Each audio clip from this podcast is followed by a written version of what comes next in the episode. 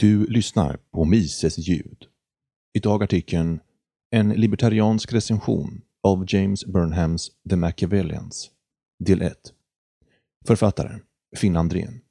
Artikeln publicerades på mises.se 1 februari 2022. En inledning till deras idéer. The Machiavellians, Defenders of Freedom, publicerades 1943 men är en bok som förtjänar ständig uppmärksamhet.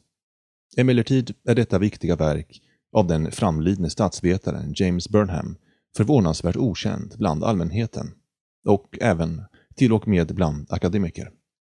Fram tills helt nyligen fanns endast en annan utgåva från 1964. En sammanfattning av de så kallade machiavellianska tänkarnas idéer kommer lägligt på grund av den politiska klarhet som den kan ge dagens unga vuxna.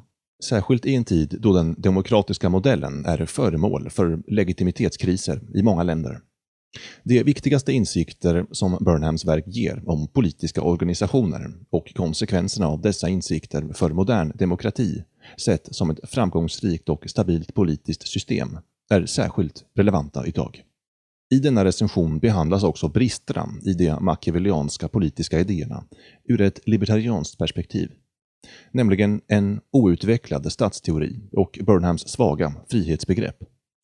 Dessa brister hindrade Burnham från att föreslå lämpliga och tillfredsställande lösningar på det politiska problem som är inneboende hos demokratin.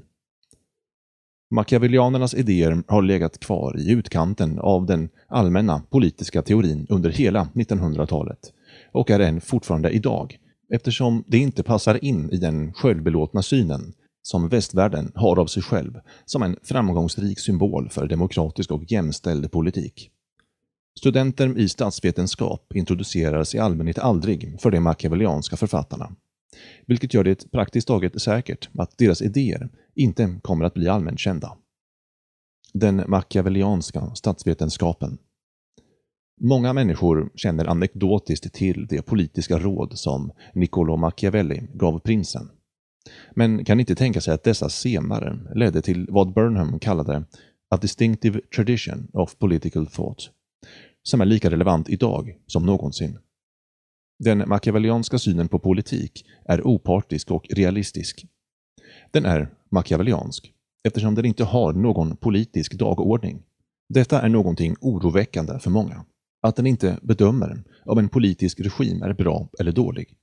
Den observerar helt enkelt på långt håll människans angelägenheter, inte minst som medlemmar i politiska organisationer, och drar slutsatser utifrån dessa iakttagelser. Machiavelli själv var inte fullt lika vetenskaplig som den metod som nu bär hans namn.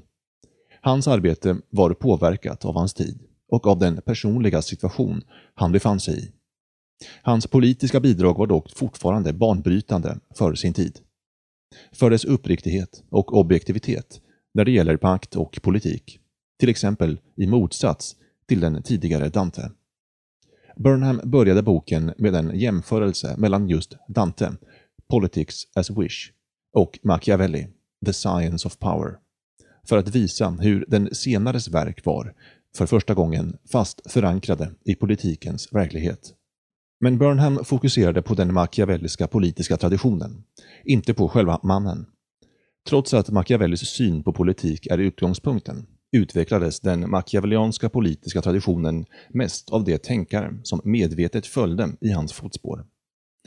Därför gick Burnham igenom de viktigaste bidragen från alla de machiavellianska tänkarna, kända även som elitteoretikerna. En tänkare per kapitel presenteras i boken. Gaetana Mosca, George Sorrell, Robert Michaels och Wilfredo Pareto. Burnham sammanlänkade deras bidrag för att på det sättet framföra den särskilda machiavellianska politiska vetenskapen.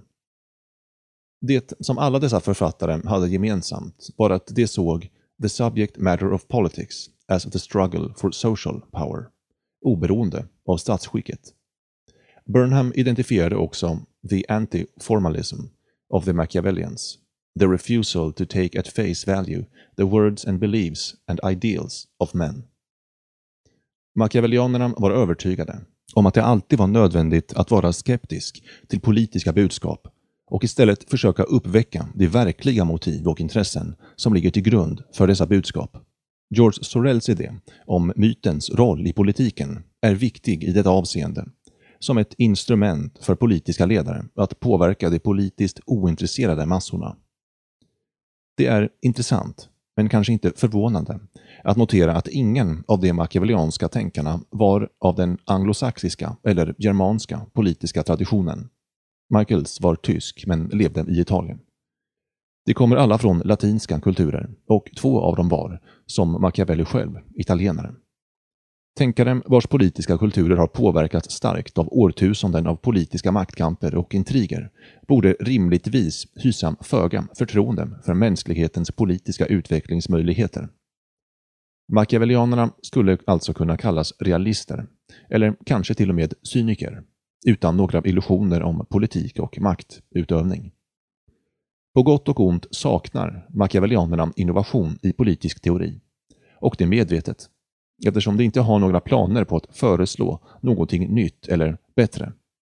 Burnham kallade dem sociala pessimister. Det finns ett tydligt pessimistiskt drag i den machiavellianska tanken, som uttrycks öppet av Sorel. Den machiavellianska politiska tanken är inte normativ, utan praktisk. Det är en politisk vetenskap men inte en politisk filosofi, eftersom den inte bygger på några vägledande etiska principer. Det är en värdefri analys av den politiska makten som inte har någon ideologi eller något politiskt mål. Å ena sidan är denna objektivitet i analysen av politiken lovvärd och sällsynt och har gjort det möjligt för dessa tänkare att upptäcka politiska sanningar som inte varit möjligt för vanliga, mer ideologiskt påverkade tänkare. Men å andra sidan gör denna vetenskapliga inställning hos den objektiva och opartiska observatören det svårt att komma med lösningar på de politiska problem som denna vetenskap så lysande blottlägger. Machiavellianerna presenterade grundläggande sociologiska och psykologiska principer om organisationer och politisk makt.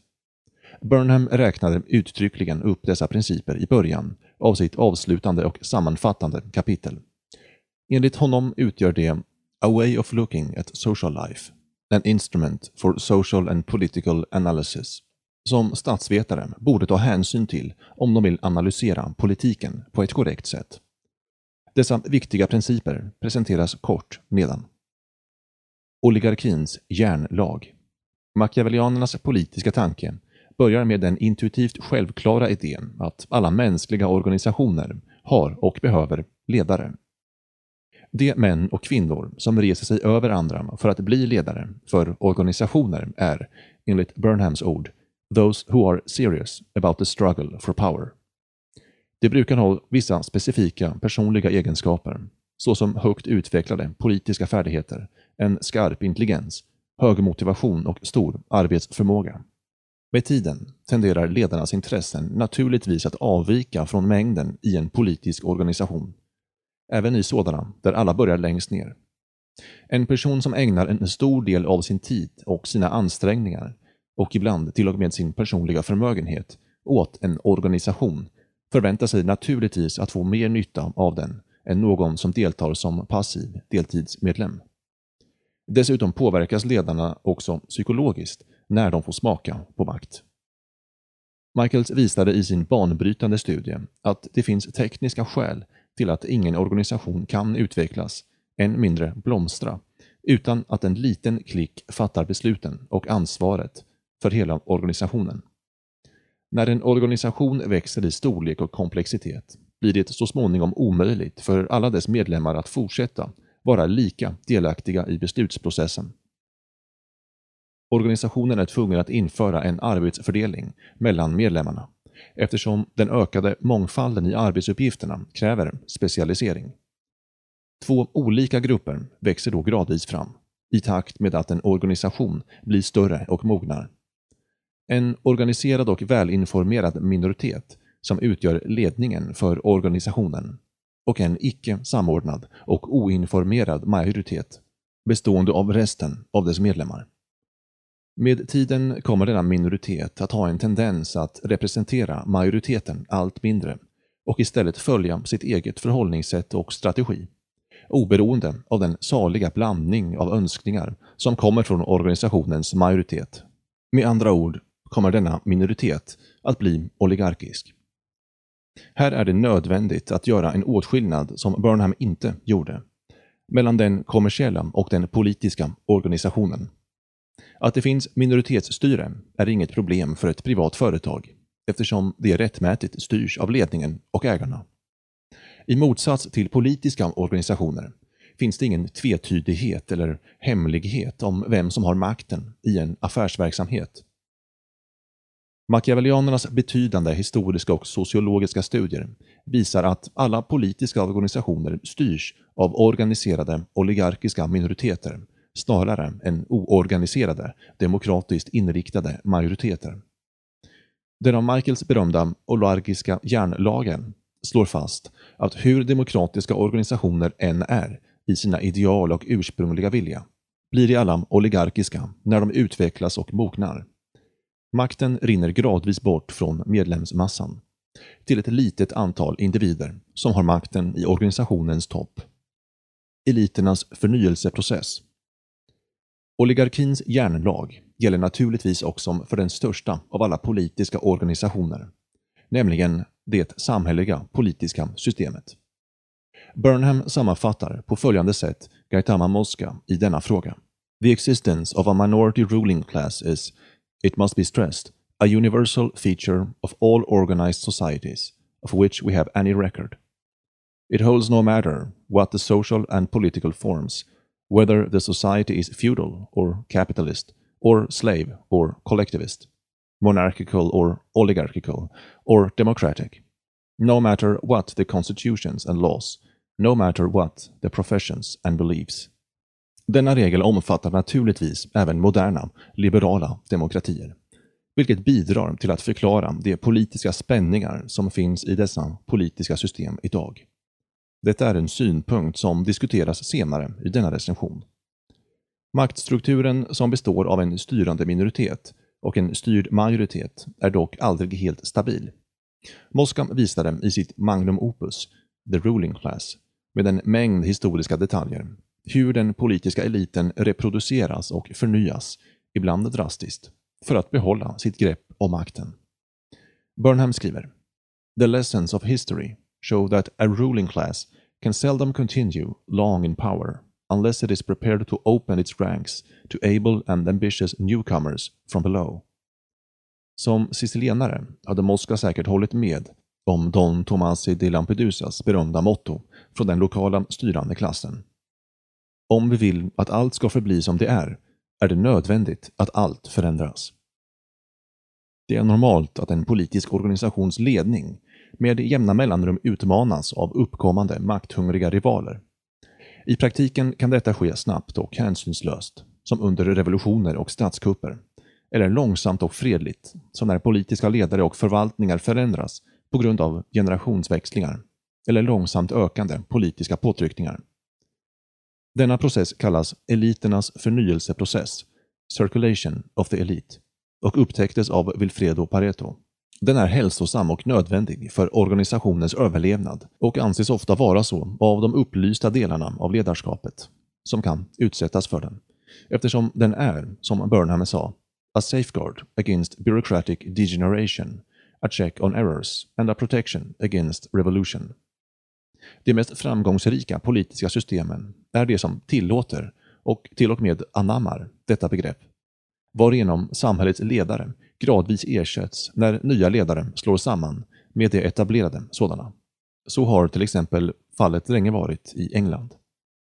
Trots denna förnyelseprocess så utgör den naturliga och konstanta tendensen hos alla politiska system att utvecklas mot oligarkiskt styre ett särskilt dilemma för demokratier. Denna punkt fick också stor uppmärksamhet från Burnham och kommer att undersökas närmare i nästa del av denna recension.